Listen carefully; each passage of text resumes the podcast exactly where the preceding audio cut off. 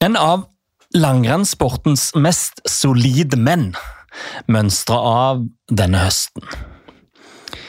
Verdensmesteren fra den lille bygda Tydal, Niklas Dyrhaug, tok valget etter en lang tids skadetrøbbel og avslutta karrieren som, som, toppløper. Heldigvis for oss som er glad i langrenn, så er han å se som ekspert på Viaplay og TV3. En rolle han for øvrig løser utmerka. Jeg har lyst til å høre om overgangen fra den ene til den andre sida av gjerdet, og jeg har lyst til å høre om en fantastisk karriere som jeg har en følelse av at i Dyrhaugs tilfelle har kommet litt på tross av. Han var nemlig ikke noen barnestjerne, han var ikke på noe juniorlandslag. Det var etter som jeg har forstått, kun knallhard jobb og en rå mentalitet som, som ligger i bånn. Det er noe jeg tror vi alle kan lære mye av. Og så har jeg lyst til å høre om vennskapet med Petter Northug, som eh, starta med konkurranse allerede i tolvårsalderen. Der eh, ringen nå er slutta, der de nå konkurrerer mot hverandre i hvert sitt eh, mediehus på verdenscupsirkuset. Og så har jeg en personlig, en personlig greie, en personlig situasjon med Niklas Dyrhaug som har ridd meg som et sju år langt mareritt. Som jeg bare må få ut av verden. Og jeg håper virkelig han kan tilgi. Nå må Dyrhaug inn.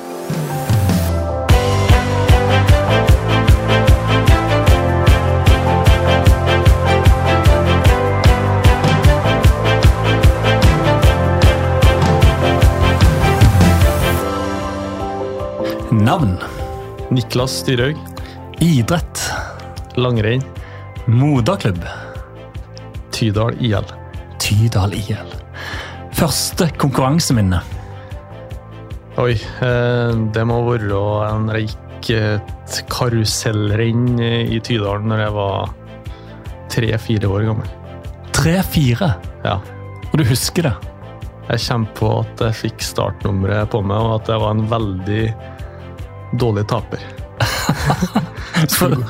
Som da betyr implisitt at du ikke vant?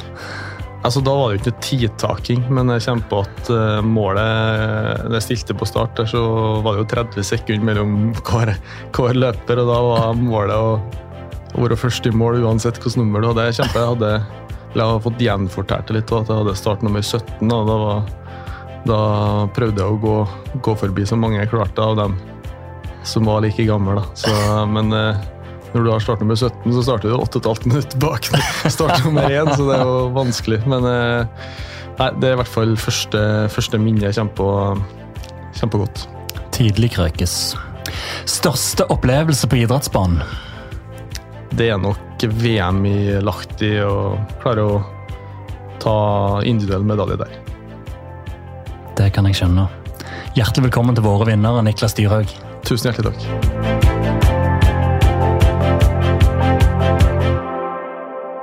Jeg elsker disse kontrastene mellom det første konkurranseminnet og den største opplevelsen. Fra karusell i Tydal til VM, VM i, i Lahti. Um, og så handler det samtidig litt om det samme. Om den samme driven etter å komme, komme først. Det, ser du noen sånne åpenbare paralleller mellom de to? Ja, jeg, ja litt. Rann, altså, helt siden jeg var liten, så har jeg alltid likt å konkurrere. Og ja Konkurrert om alt, egentlig. Så helt ifra jeg gikk det karusellrennet der, da, og karrieren ut, så, så har nok det betydd mye å være en drive i seg sjøl. Til, til å trene og legge ned den den jobben altså akkurat når, altså når, jeg var liten, så var det jo var det jo, var det jo bare artig, ikke sant? Men, men alltid likte å konkurrere. Og så var jeg heldig at vi i ei lita bygd som jeg er fra, så var vi ganske mange i aldersklassen min da, som eh, likte å gå på ski og likte å konkurrere sammen og hadde et veldig fint miljø. Så jeg tror nok det var veldig viktig for at, for at man eh, starta på med, med langrenn. Jeg vil tilbake til Tydal, jeg vil tilbake til Larti. Og jeg vil tilbake til den driven etter hvert. Men først vil jeg høre hvordan det går med deg nå. Nå er du lagt opp. Du er langrennspensjonist. Ble det i oktober. Hvordan er det? Du, det, er, det føles jo litt uh, rart, men uh, det føles òg litt godt. Uh, den siste perioden egentlig før jeg bestemte meg, syns jeg var, var, veldig vanskelig. Jeg har jo hatt, hatt en del problemer med skader de siste åra. Og ja, har vel vurdert litt fram og tilbake om jeg skulle fortsette. da de siste månedene, når jeg kjente at jeg ikke klarte å komme tilbake på det nivået som jeg har vært før, så, så, eh, ja, så tok jeg nå den avgjørelsen om å legge opp. Eh, og Det føles godt nå, men det, var, det, var en, det, er noe, det er jo ikke noe man gjør i affekt når man har eh, vært utøver siden man, eller man drev med langrenn siden man var 16 år. Så, så det, var, det var litt sånn det var, var litt rart da, men eh, veldig glad for at det, kjennes veldig godt eh, ut sånn i ettertid. Eh, og at det føles, føles, ut som rett valg, selv om jeg selvfølgelig aller helst skulle ha konkurrert, eh, konkurrert mot guttene i, i worldcup og OL som, eh, som tidligere. Men eh, når, når, man ikke blir Når man ikke har, har ei skulder som fungerer optimalt, så er det bedre å gi seg mens leken er god. Ja, og nå, nå konkurrerer du ikke, men du er fortsatt med i langrennssirkuset. Men du er på en måte flytta side på gjerdet i mixed zone. Du jobber for Nent og er med å formidle langrenn som, eh, som ekspert. Hvordan er det? Du, det er veldig eh, det er egentlig veldig artig. Jeg hadde, jeg hadde sett for meg at, kunne, at, det var spennende, men jeg trives enda bedre med det enn jeg, enn jeg egentlig så for meg. Eh, det er jo veldig, som du sier, det er litt spesielt å stå på andre sida av gjerdet når veldig mange av dine nærmeste kompiser ja, står i mixed, mixed zone sammen med Men eh, jeg er jo veldig glad i langrenn og langrennsmiljøet. Jeg tror det ville vært veldig spesielt og rart for meg hvis jeg skulle kaller slutta, slutta i oktober, og så har jeg ikke vært med noen ting. Så det å være i, fortsatt være i miljøet og prøve å formidle langrenn på en eh, ja, på en litt annen type måte enn det har vært gjort i, gjort i NRK, da, altså mer nevnt. da, eh, Bygge opp noe nytt. Det mm. syns jeg er veldig spennende. Så veldig, veldig glad for at jeg har fått den muligheten. Det ser ut som du trives. Du står der og gløder. Jeg syns det er kult å se. Ja, takk. Nei, altså Ja, jeg, jeg, jeg trives veldig godt med å, med å, med å være der, altså. Så jeg tror nok det har mye med at jeg er så glad i, glad i sporten og, og, har det forholdet jeg har til, til utøvere. og Kjenner jo både utøvere, ledere og støtteapparat etter mange år på lag. Da. Så nei, det det passer veldig bra sånn som situasjonen er akkurat nå. Og Jeg syns det er litt artig, for jeg, jeg, hadde jo Jeg var jo på den sida av gjerdet sjøl eh, og intervjua deg. Eh, og hadde rollen som eh, Regine, flinke Regine, her nå i, i Nent. Og der har jeg en ting jeg må bare ta opp med deg for å vifte med det hvite flagget og beklage. For det, det, det, bærer meg, altså. For i 2016, i verdenscupen i Falun, så hadde jeg den rollen i NRK. Um, og da, etter løpet, så kaller jeg deg gjennomgående i intervjuet for Didrik Tønseth. Husker du det? ja, jeg kommer, kommer, godt på det. Til ditt forsvar så er det ikke den eneste som, eh, som, eh, som, kaller meg Didrik og han omvendt. Men, eh, men jeg kommer, kommer, veldig godt på det intervjuet, faktisk. Åh, ja. Det gjør denne kjipa at du husker det.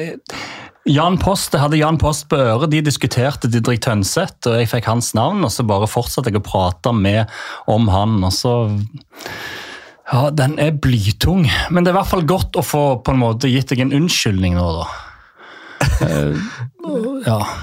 Du, det går veldig, veldig fint. Jeg og Didrik er jo veldig, veldig gode kompiser, så, men jeg har lagt merke til at det er mange som eh, forveksler oss med navn. Av en eller annen grunn. Ja, for jeg føler ikke vi er så hvorfor, like. hvorfor? Nei, for dere er jo ikke like. Nei, eh, vi er jo trøndere begge to, men Ja. eh, bortsett fra det, så Så går dere på ski. Så går vi men, på ski. Ja, men der stopper det, føler jeg. Så Men ok, da, da var i hvert fall Da føler jeg at jeg har satt et punktum for den. For jeg, det går greit. Det går veldig greit. Ja. ja, det er bra. Men hvordan ser du for deg sjøl din egen karriere i, i media? Er det noe du eh, ser for deg eh, kan bli ei varig greie? Det er et veldig godt spørsmål. Eh, Det har jo gått veldig fort siden jeg la opp, så jeg, jeg ble jo mm, Jeg snakka jo med, Menent og Christian Oma i fjor vinter, og så ble jeg spurt om å, om å være litt gjest i studio eh, når det var mulighet. Eh, Og det hadde jeg veldig lyst til. Eh, og men da var jo selvfølgelig planen å være aktiv og satse mot OL. Og så gikk nå sommeren og høsten, og ja, jeg bestemte meg for å legge skia på hylla. og ja, så, ble, så har vi nå snakka sammen, snakket vi sammen etterpå og fikk jo muligheten da, til å være med egentlig hver helg og uh, være med på å bygge opp uh, egentlig langrennssatsinga på Viaplay Vinter. Da, det, det har vært veldig som sagt vært veldig artig, så eh, vi får se. Jeg har ikke noe Jeg har ikke tenkt så mye på det, men jeg koser meg i hvert fall med å være med på, på World Cup hver helg nå. Og, og så ser jeg jo veldig fram til ser veldig fram til VM i Planica neste år. Det tror jeg kan bli Ja. Det blir veldig artig å se fra den andre sida. Ja, det vil jeg tro at du vil synes at det kommer til å bli. Og så er det et VM i Trondheim 2025, som òg ligger der i å vake i det fjerne. Ja, det er jo en uh, gulrot der. ja. Ja, det er bra. Um, det var en del gulrøtter gjennom karrieren din. Du har hatt en, um, en strålende karriere, og jeg ser liksom på deg som en sånn gjennomsolid langrennsløper som ja, som ga alt, og som jobbet hardt for å bli så god som du ble. Og Jeg har litt lyst til å ta tak i den, den reisen der. Eh, Du nevnte karusell i Tydal. Mm. Kan du først male et bilde for oss? Tydal. Hvordan er det der? Ja, det kan jeg godt gjøre. Tydalen er en av uh, Trøndelags minste kommuner i befolkning, så vi er jo kun 800 innbyggere i kommunen. Så når jeg vokste opp på eh, barne- og ungdomsskole som er sammen, da, så var vi, eh, var vi 14, 14 stykker i klassen som, blir, som gikk klasse i ti år sammen. Så da blir du jo For det første så blir du veldig godt kjent, og så er du jo veldig eh, avhengig litt av eh, hvilke typer man kommer sammen med, og hvilket miljø man Ja. klarer å skape da, sammen. Så jeg veldig, må jeg jo si at jeg var veldig heldig med at, eh, med at eh, foreldrene mine og foreldrene til de beste vennene mine var med og la til rette skikkelig for at man drev med, kunne drive med idrett og langrenn og fotball, kanskje spesielt. da. Så helt siden jeg var liten, så var vi en større gjeng, og da mener jeg over 50% av, eh, av dem i klassen på en måte drev jo med, med fotball, og, og vi var faktisk fem av 14 da, som, som gikk langrenn til ja, fram til videregående, egentlig. Såpass, ja. Ja. Så jeg tror nok det, det miljøet som var der, og det var, var kjempeviktig. Og jeg var ikke, jeg var ikke den beste når vi var i klassen. Ikke, loka, ikke i klassen heller, nei. Nei, fordi han som var bestekompisen min, vi vokste opp da, han var ikke bare best i klassen lokalt, men han var jo best i Trøndelag på til å gå på ski i aldersklassen. Eh, så jeg, Og det det var, så da fikk jeg jo enorm matching, da. Eh, ifra vi var bitte små, og hadde jo en å kalle eh, se opp til en å alltid på en måte skulle jage. da. Eh, og det brukte Det tok veldig lang tid før jeg Kalle kom opp på sida og slo han. Da var vi jo sikkert, sikkert Første gangen jeg begynte å slå han, var jo kanskje 14-15 år. Men vi, vi, var ikke noe sånn rivaliserende greie. Det var mer sånn vi begge ja, unna hverandre da, og gjør det bra, og, i og med at vi var så, så gode venner. Men eh, eh, en plass som Tyren så er man avhengig av at det er mye foreldre og mye ildsjeler som legger til rette, og det var det absolutt. da. Eh, og Det tror jeg nok er en av grunnene til at, til at det ble så interessert i fotball og, langere, og ikke minst langrenn. Tydalen det ligger i Nordøsterdalen, eh, eller med Røros i nærheten? Ja, det ligger, det ligger i Sør-Trøndelag, da. Ja, Sør-Trøndelag, ja. Gjør det. Eh, men det ligger rett nord om Røros, ja. på grensa mot Sverige. Altså mellom Røros og Meråker og Selbu, egentlig. Mye gode langrennsnavn der. Ja, ja det, det, er noen det, det, er veldig gode muligheter for å gå på ski der. Det er jo en fjellkommune. Og det, er, det er mye snø, og, det, og det, de er flinke til å kjøre, kjøre langrenns, eller kjøre skispor. Eh, så er det er ikke, det er ikke ufattelig mye andre tilbud ikke sant? på en plass som Tyra. Så du har eh, Så ski er noe du nesten er, er født med på bena.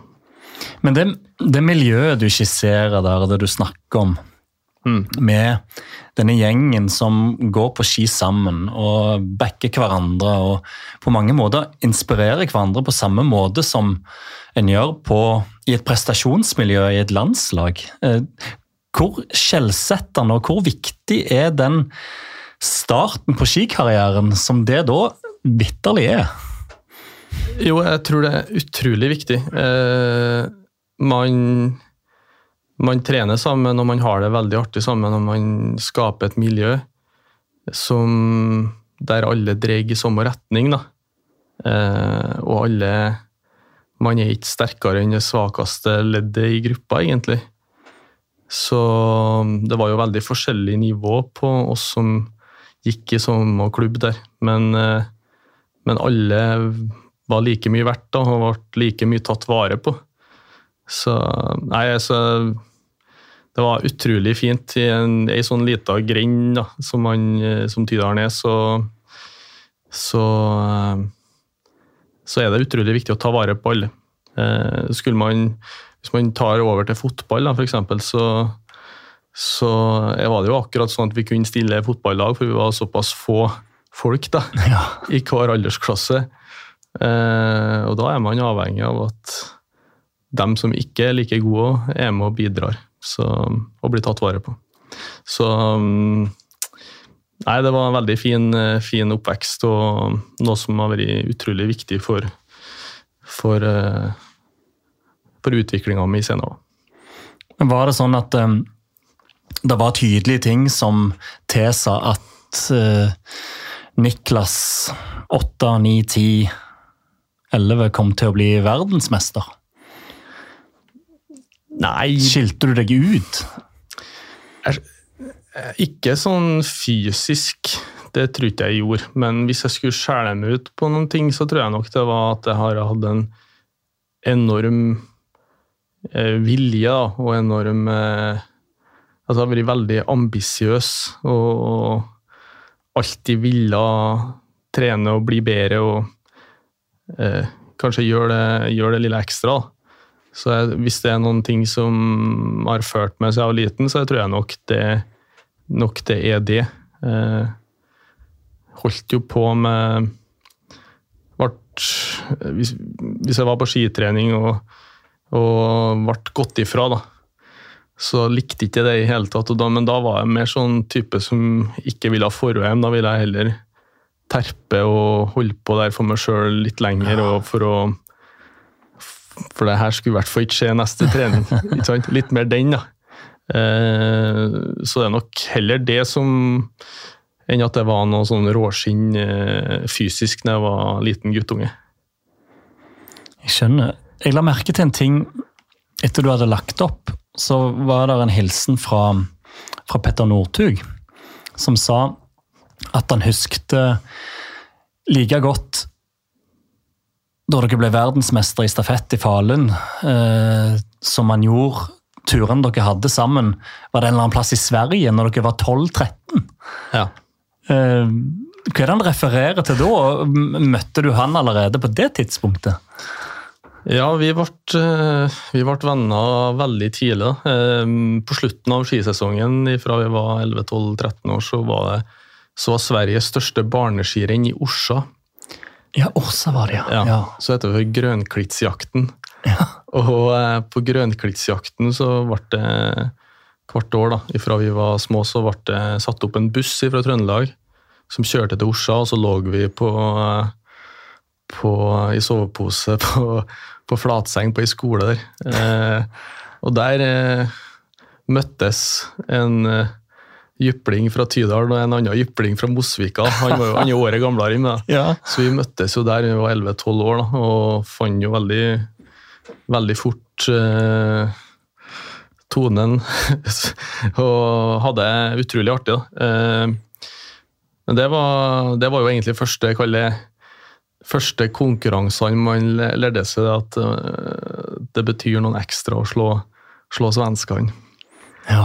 Så uh, Nei, det var, var, fine Veldig fine turer, og, og kanskje, kanskje der man for første gang kjente at eh, eh, hvor viktig da, det, med, altså det konkurranseaspektet når man, var, når man var så liten, at man, og at man likte å ja, eh, å hevde seg. Eh, at det var viktig å, å, være med så høyt oppe som mulig. For i Norge så var ikke det var enkeltstartrenn når, når du var så liten, men i Sverige så, så var det var det felles altså det var, jak, det var individuell start første dagen så var det jaktstart, som var veldig sånn stort å få være med på når man var en liten guttunge og kjempe mann mot mann. Ja, Det vil jeg tro. Så dere to i Sverige, da, det gjør altså, det gjør den klemmen mellom deg og Petter Northug i Falun i 2015, når dere hadde blitt verdensmester og slått svenskene. Det gjør den linja der fra Orsa, når dere var 12-13, til da veldig mye sterkere og veldig fin. For et øyeblikk det må ha vært, da. Ja, ja, det var, ja, det var enormt øyeblikk. Og, og Petter hadde jo lova meg gull før i, før i løpet, så det Så Nei da, det var veldig stort, ja. Veldig stort. og eh, å få bli verdensmester i, i Falun på Sveriges svenskenes egen, egen hjemmebane. Og på den tida så var det jo det var jo utrolig rivalisering og engasjement rundt den duellen Norge-Sverige ja. under det VM-et. Ja, Med Northug Halvarsson og Northug Halvarsson, ja. Det var, det var duell. Ja, det var duell. Jeg husker det var så rått med dere tre gutter som sto i målområdet og så den duellen og bare var elektriske. Eh, ja, for et minne. Men hvordan var eh, Hvordan var du og Petter i 12-13-årsalderen, da? Sånn konkurransemessig eh, opp mot hverandre? Nei, altså han var jo han var jo året gamlere, så vi konkurrerte jo ikke i samme klasse. Men eh, vi konkurrerte vi konkurrerte veldig mye om andre type ting, da, som spill på kveldstid. Og ja. det var Og om eh, Etter vi var ferdig med løpa, kommer jeg på, så gikk vi, gikk vi rundt i skiløypa og, og kalle konkurrerte om sånn rykk opp, opp og ned på sånn oh. opp og ned bakka. og det var, det var, litt sånn allerede da, da. Det var veldig mye konkurranse. Og da mener jeg konkurranse om alt.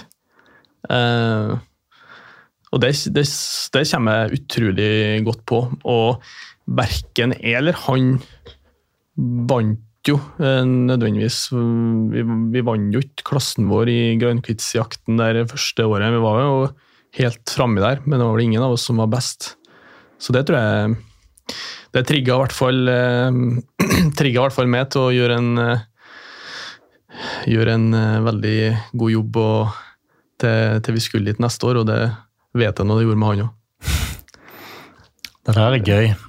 Og så Veien videre fra der gikk til Meråker eh, skigymnas, gjorde ikke det?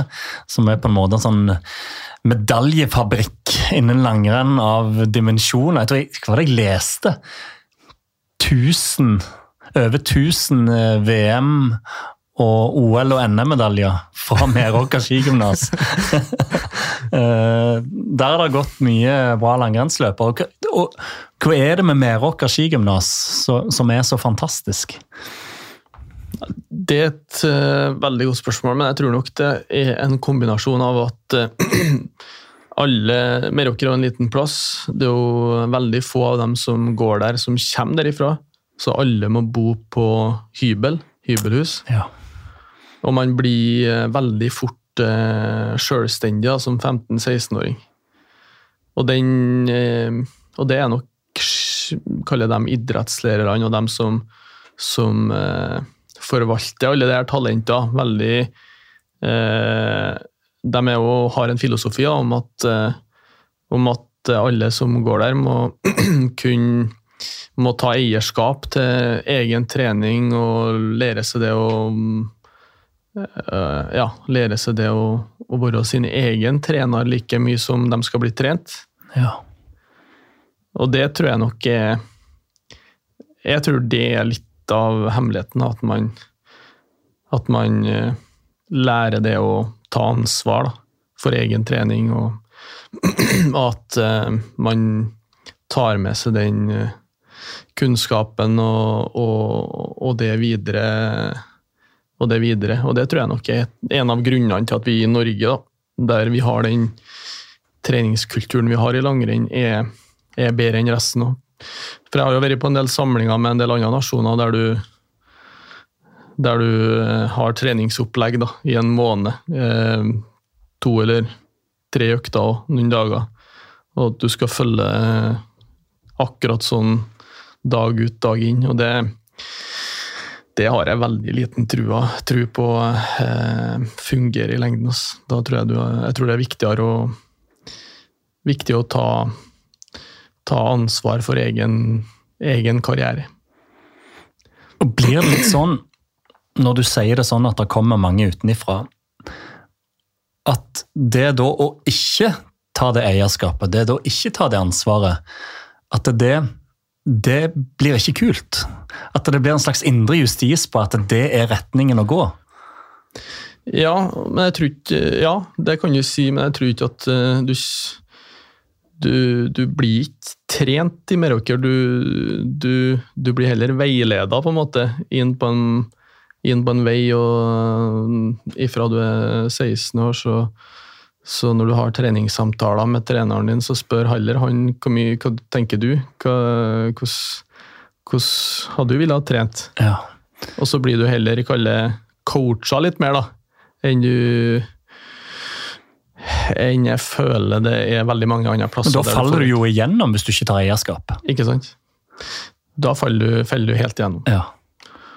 Men det er bedre å, å få den tidlig, sånn at man lærer seg å feile og lære hva som er rett ifra, ifra man er ifra ung alder, enn å, enn å gå på de smellene når du er, er garva senior, tror jeg.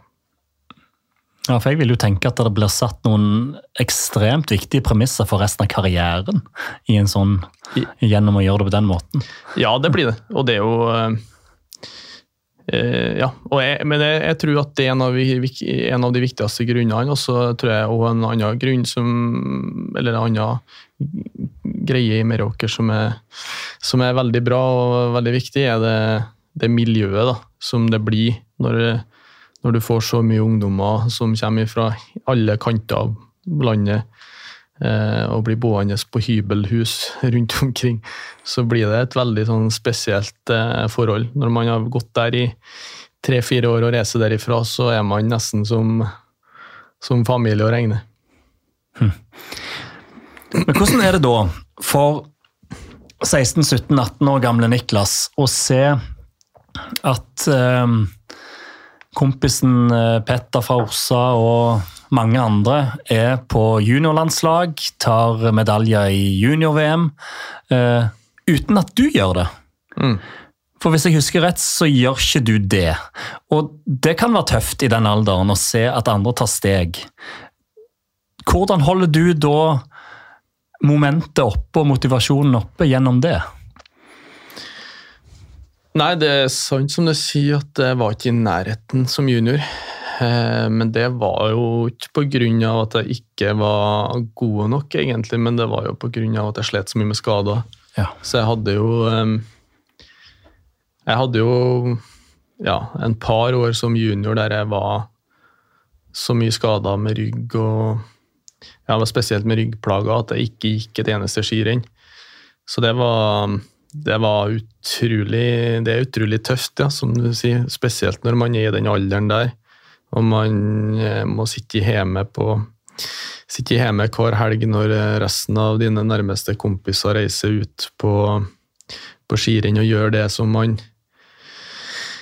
eh, Som man eh, Som er hobbyen og lidenskapen, og som er det man satser på. da. Så det kommer jeg på som en eh, Det var en prøvelse mentalt, ja. Og jeg var nok eh, Jeg var jo inne på tanken på om Gidder jeg her noe mer når jeg ikke får til å, får til å gå på ski lenger? Eh, men alltid så koka jeg ned til at, til at det er jo det her jeg har aller mest lyst til å gjøre, og jeg hadde veldig trua på at hvis jeg klarte å løse de, den koden da, med å finne ut av hvorfor jeg var skada. At jeg hadde, hadde, noe i meg som, som jeg ikke hadde fått vist. Da. Så ja. Det Ja, det, det var vel den driven, kanskje, som, som gjorde at jeg, at jeg satsa videre. da. For er det ikke der mange, da, som ikke bare lar det bli med tanken, og gir seg i det øyeblikket. Det er sånn skjæringspunkt i den alderen, der mange tenker at ok, jeg prøvde, jeg ble skada, dette gikk ikke, takk og farvel. Men du to, gikk den andre veien. Ja, jeg gjorde det. Og øh, jeg sier ikke at det var lett, men øh, Men øh, det var det var den her, den her, altså, den her driven eh, og den her lysten til å bli god som jeg alltid har hatt, som gjorde at eh, jeg klarte å stå gjennom det. For jeg, det er jo sånn i den alderen der, da, når du opplever, opplever så tøffe, tøffe nedturer som å være skada over to år, da, uten at man finner ut av det. Og så krever det litt eh, krever litt ekstra for å, for å stå i det og komme oss gjennom det, men jeg tror at hvis du klarer å gjøre det, og hvis du, så setter du veldig mye mer pris på, på de oppturene som, som kommer. Og kommer veldig godt på at når det, når det da som førsteårs senior og, og ja, første og andre års senior begynte å komme over det her og og begynte å utvikle meg igjen da, og bli en bedre skiløper, så satte jeg helt utrolig stor pris på ja, hver eh, lille framgang og eh, nøyt det på en helt annen måte, tror jeg. Ja, klarte du å nyte det mens du, mens du holdt på der? For det må jo komme et vanvittig perspektiv der, da? sant? Eh, ja, ja, så nøyt det jo i den forstand at det var hvor godt det var å kunne kjenne at kroppen fungerte, og at man, at man eh, kom seg opp fra den mørkeste kjelleren sånn rent mentalt. For det, det, det er jeg ærlig på at jeg eh, var veldig lei med den perioden da, som junior, når jeg ikke klarte å verken trene eller konkurrere. Eh, men når du gjør det, så når du kommer over det, så er det som du sier, at da klarer man altså Hvis man setter ting i perspektiv, så blir man veldig, veldig glad for hver en eneste lille framgang man får. Så, men samtidig så er man jo skrudd sammen sånn at man, at man eh, ser jo alltid framover og, og er jo ikke fornøyd før man står helt oppå her. Det er alltid noe å jobbe etter, og alltid noe eh, Ja, alltid noe å strekke seg mot, da. Det er jo helt åpenbart her at det ligger en ekstraordinær drive i deg. Og jeg bare tenker Da du, igjen da i Falun faktisk, i 2012 får din første pallplass i verdenscupen, i denne minituren, Mm. eh, så må jo det være en vanvittig tilfredsstillelse. Å tenker at fy søren, det har tatt noen år, men nå er jeg her, på pallen i verdenscupen. Ja, det var Det var eh, Ja, det var veldig spesielt, ja. Det var vel det var vel eh, utrolig få som hadde sett for seg det. Det var i hvert fall det jeg tenkte for noen år siden, når jeg, når jeg var så nærme å gi meg og Ja. Så den, den pallplassen der og det gjennombruddet den sesongen der eh, ser jeg tilbake på som eh, ja, det var jo veldig spesielt og veldig, veldig artig. Og da er du plutselig på elitelaget, sammen med din venn fra Orsa. Sammen med Petter, igjen. Ja, det var jo den eh, Kommer veldig godt på Jeg var vel i Tour de Ski det, det året. Det var min første Tour de Ski, og da jeg da, da bodde vi på rom igjen, så det var, det var veldig artig, det. Og han var Det er jo ikke så enkelt å være førstereis i World Cup, men da er det jo veldig godt å ha noen som man som man kjenner godt, og som, eh, som tar, litt, tar litt vare på. Så der var, der var Petter veldig fin og jeg kommer på. Jeg fikk, eh, fikk, full, eh, fikk jo alltid låne, låne andreparet hans eh, på skirenn eh, den sesongen der. Så det var Ja. Og det For den som har vært med og gått litt litt skirenn i World Cup kontra Norgescup og Scancup, så, så er det litt, litt å hente på ski når man når man når man stepper opp da, et, et nivå. Så det, nei, det var, var veldig fine stunder, det også. Men når, når du sier han hjelper deg på den måten, da tenker jeg hvor, altså, Dere er åpenbart et nært vennskap. Uh, og i de stundene han har vært nede, hvordan har det vært for deg, og hvor har du vært da? Nei, jeg har jo prøvd å eh, hjelpe han så godt han har kunnet. Eh, eh, tilbuden eh, hjelpende hånd, det er jo Det er Det er mange som Eller som som har gjort feil, og da er, og da er det viktig å Det er da det er viktig å få hjelp, da. Det er, det er det en gang man trenger hjelp, så er det nå når man sliter. Og, så ja, jeg tror både jeg og alle dem som eh, alle kompiser som har kjent den siden vi var- siden vi var små eller vært på lag, har jo eh, backa, backa Petter for det det er verdt. Og så er jeg veldig glad for å se at han eh, er skikkelig oppe på hesten igjen. For det må være gøy å se nå. Ja, veldig, veldig godt det. Altså. Så når vi var, på turen i år, så, så er det veldig, veldig godt å se at han er skikkelig back in business. For det er ganske mange paralleller her etter hvert med dere. sant? Med, fra den tolvårsgreia Ja. og, nå- og Falun, og nå er dere sammen på, i verdenscupsirkuset. Konkurrere Og konkurrere i media. Ja, ja. ja, ja, nei, det, det er faktisk sant. Jeg har ikke tenkt så mye på det. Men, eh, men nå har vi samme rolle igjen. Ja, det er artig. Du nevner i starten av podkasten Larti som eh, din største opplevelse. Mm. Det må du forklare hvorfor.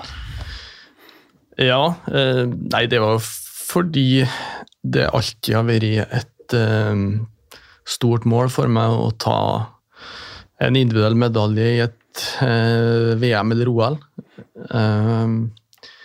Og så var jo det VM-et litt spesielt for meg, i og med at jeg ble vraka til den tremila, som var første distanse under VM i Lahti. Ja.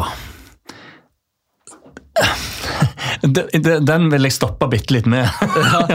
For det, det, det er så mye med den. Altså, du hadde, dette var eh, duatlon, og du mm. hadde noen strålende resultater på duatlon.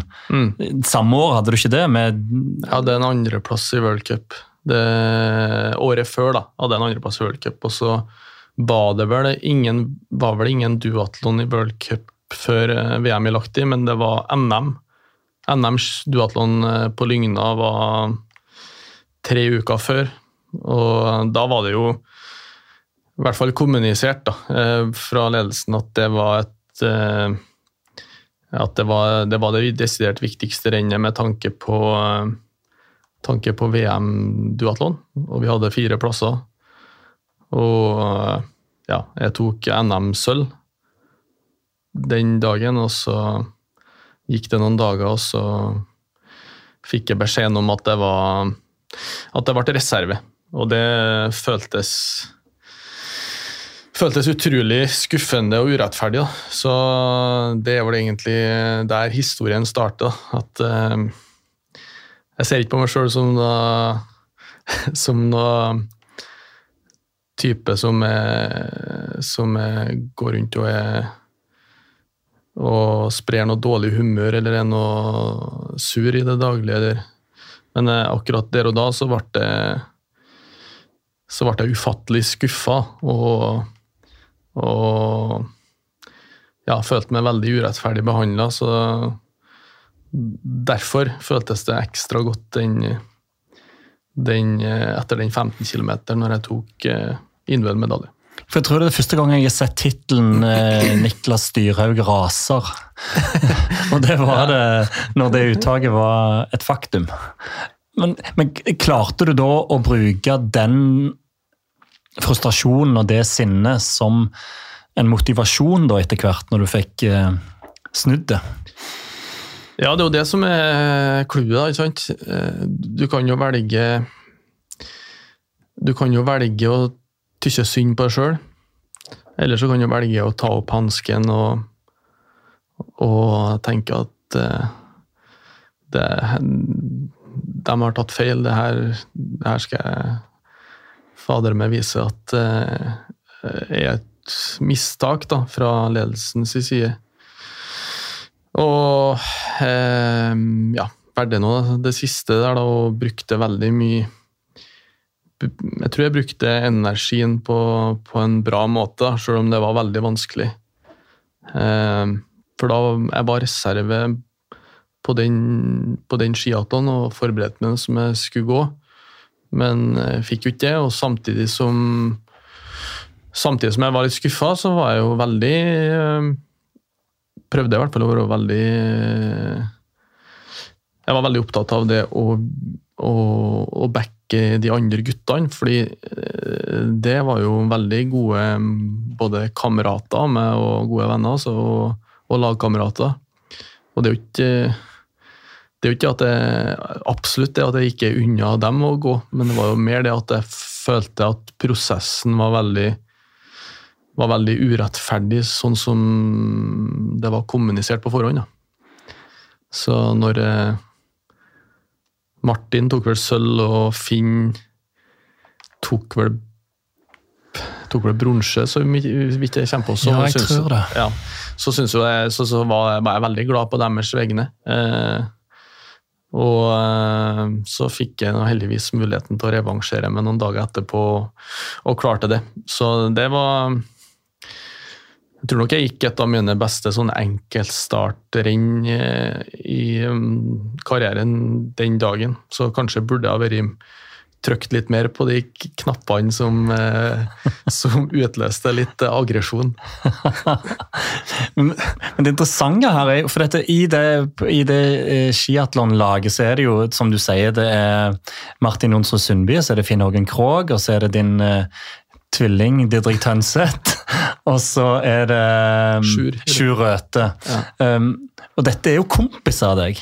Ja. Altså, Veldig god hvor, ja, og, og, hvor lett er det der å skille mellom sinne på ledelse og kompiser? Er, du, er det liksom, er det, er det, Sier det seg sjøl? Ja, altså Altså, jeg er veldig Det laget som jeg har vært en del av, der er vi der, Det tror jeg har blitt så bra pga. at vi har vært veldig flinke til å dra i samme retning og unne hverandre suksess. Og um, som du sier, altså Sjur, Didrik, Finn Det var jo dem alle kjempa mot Martin, var jo hadde jo hadde jo ei klippekort akkurat da. Så er jo det tre av mine beste venner på, på laget gjennom ti år på lag, ikke sant? Så jeg så jeg unner dem skikkelig å gå det rennet, og det tror jeg har vært motsatt òg. Så det var jo ikke noe å kalle Ikke noe aggresjon eller misunnelse den veien. Det var vel mer Grunnen til at jeg følte at det føltes så tungt, var vel det at uh, urettferdighet altså Man legger jo livet sitt i det her, og så, uh, og så presterer man på de uttaksrennene som er, uh, og får på forhånd høre at det er det som skal til, og så får man ikke, får man ikke muligheten likevel. Da, da følte jeg på kanskje Det traff noen følelser som jeg ikke eh, Som gjorde at jeg fikk en reaksjon som jeg ikke trodde jeg, jeg, jeg kunne få, nesten. Ja.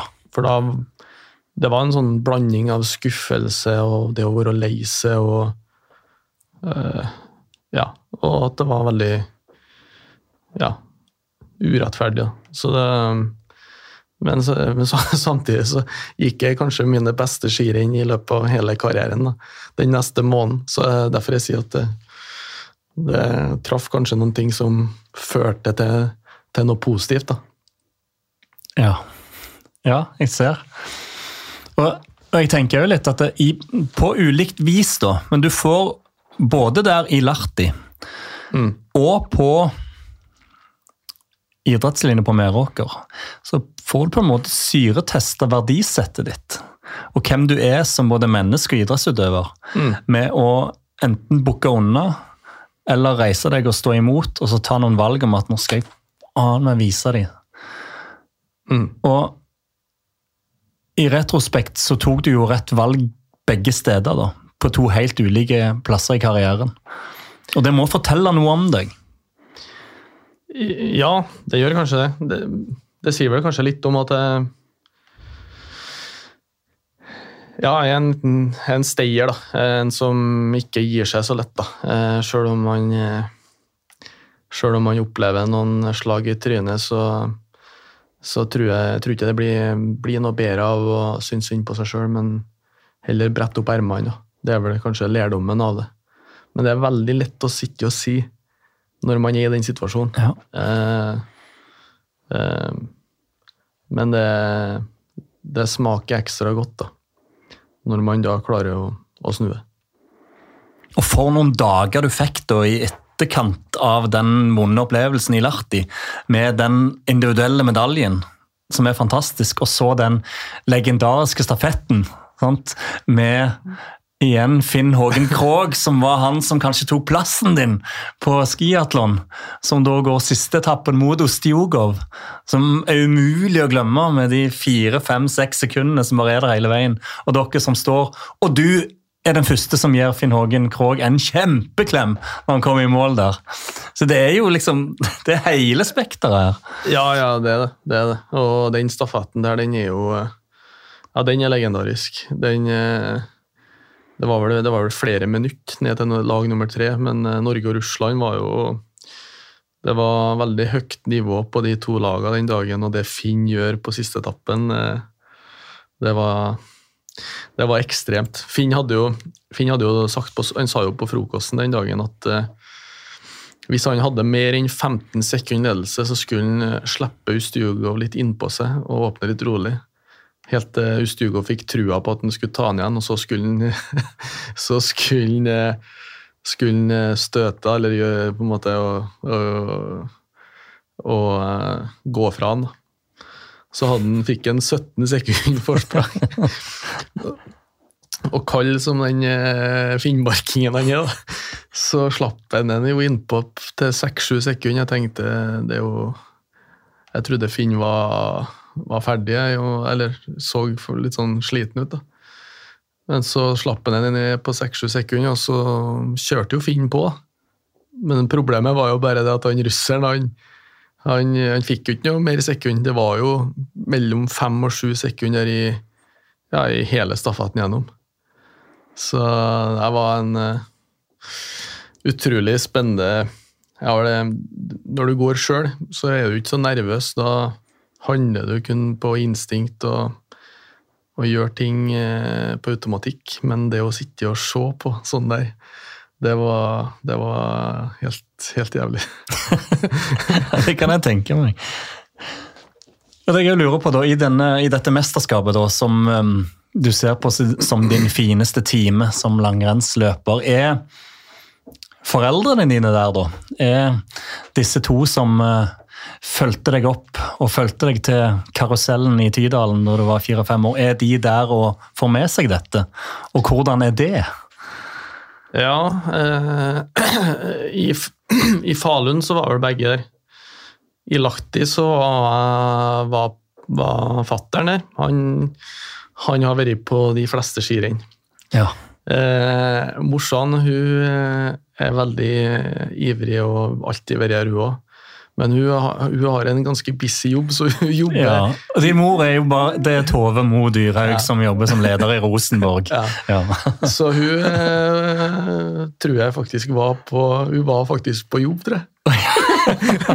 I, i, i ren og skjær eh, ånd, ånden hennes. Så Men, men eh, Nei, de har De har betydd utrolig mye, begge dem, ja. Så, som, eh, så, men de har, de har kalt det backa på, på hver sin måte. Fattern har vært den som har vært, vært med og smurt ski og vært med på alle, alle destinasjoner rundt omkring. Og så har eh, morsan vært den eh, Hvis jeg har hatt noen issues eller et eller annet, så alltid Så ringer man, heller, ringer man alltid på, på på morsan for å få litt eh, råd for å komme ut av. Så det er fint. Og det er kanskje de som står bak mye av de verdiene vi har snakket mye om denne timen? Ja, det er det nok. Jeg har eh, tatt med meg mye fra, fra, fra dem, og så tror jeg nok det er Man får med seg veldig fine verdier av å vokse opp på en, på en liten plass der eh, det betyr like mye at, eller den er like mye verdt, den som er, som er dårligst på fotballaget, som den som er stjerna. Det tror jeg det tror jeg er en uh, veldig fin, uh, fin, eh, fin oppvekst å ha med seg at ja, de, de verdiene man får med seg fra, fra en trygg, liten, lite tettsted med få innbyggere. Hvordan skal du nå bruke dette verdisettet i tiden etter eh, idrettskarrieren? Oi eh, Nei, det har ikke jeg tenkt så mye på, men jeg, jeg tror at eh, det er fint å ha med seg det hvis man skal jobbe i, eh, jobbe i Viaplay og formidle, formidle skirenning videre òg det å Ja. Og eh, nevne, nevne, alle, og ikke bare dem som eh, Ikke bare dem som de største stjernene. Så ja. Eh, det er vel egentlig Det er vel egentlig Jeg har ikke tenkt så mye på, på det på en annen måte enn det. Det som er litt interessant uh, gjennom denne podkasten, du er jo den Det har jo vært noen og 30 utøvere her. Og det virker litt som uansett hvor individuelle idrettsutøvere det er, så er veldig mange av de beste i ekstremt stor stand i, sted, i, i ekstremt stor grad i stand til å se fellesskapet og se helheten, til tross for at det er individuell idrett. Mm. Hvorfor tror du det er sånn? Nei, det tror jeg er fordi at man eh, Det er veldig vanskelig å bli god uten at man har eh, folk rundt seg som er med og hjelper en på veien. Eh, og ja, jeg tror det er viktig og Jeg tror de fleste som, som opplever suksess, da, ser det sånn i retrosperspektiv at, at det har vært Hvor viktig det har vært da, på veien. Og for min del så, så har jo både det, det, miljøet jeg hadde i Tydalen, det miljøet jeg hadde i Meråker, alle de trenerne som, som har fulgt meg opp gjennom eh, miljøet på Team Trøndelag, landslaget, eh, har jo vært kjempeviktig for at jeg eh, har kommet dit, kom dit jeg gjorde, da, som utøver. Samtidig så er det jo en sjøl som gjør jobben. Eh, og som eh, setter premisser eh, for at man kommer dit man er. Men jeg tror det er mye enklere om man har gode støttespillere og man Og så er det det med hvis man unner, unner lagkompiser på veien suksess og deler tips og deler råd, så tror jeg det er en veldig mye større sjanse for at man får det tilbake. da. Og hvis du kan snappe opp litt her og litt der, så, så tror jeg sjansen er mye større da, for at man, eh, for at man eh, blir, eh, blir veldig god. Og det ble du. Du ble god. Du ble verdensmester i stafett, og du tok individuell medalje i VM. Og ble en supersolid skiløper. Kanskje litt på tross av? Ja, Litt på tross av, tror jeg òg. Eh, enig i det, faktisk. At eh, det har ikke eh, Det har ikke kommet lett, eh, sånn sett. Men eh, som jeg har sagt tidligere, så tror jeg det tror jeg det smaker kanskje eh, enda bedre hvis man må jobbe hardt, eller litt hardere for det. Når man først får de oppturene, og det er litt mer nedturer på veien. Denne timen var en opptur for meg. Veldig, veldig hyggelig å, å ha deg her, Niklas Dyrhaug. Tusen takk for at du kom til våre vinnere. Tusen hjertelig takk sjøl.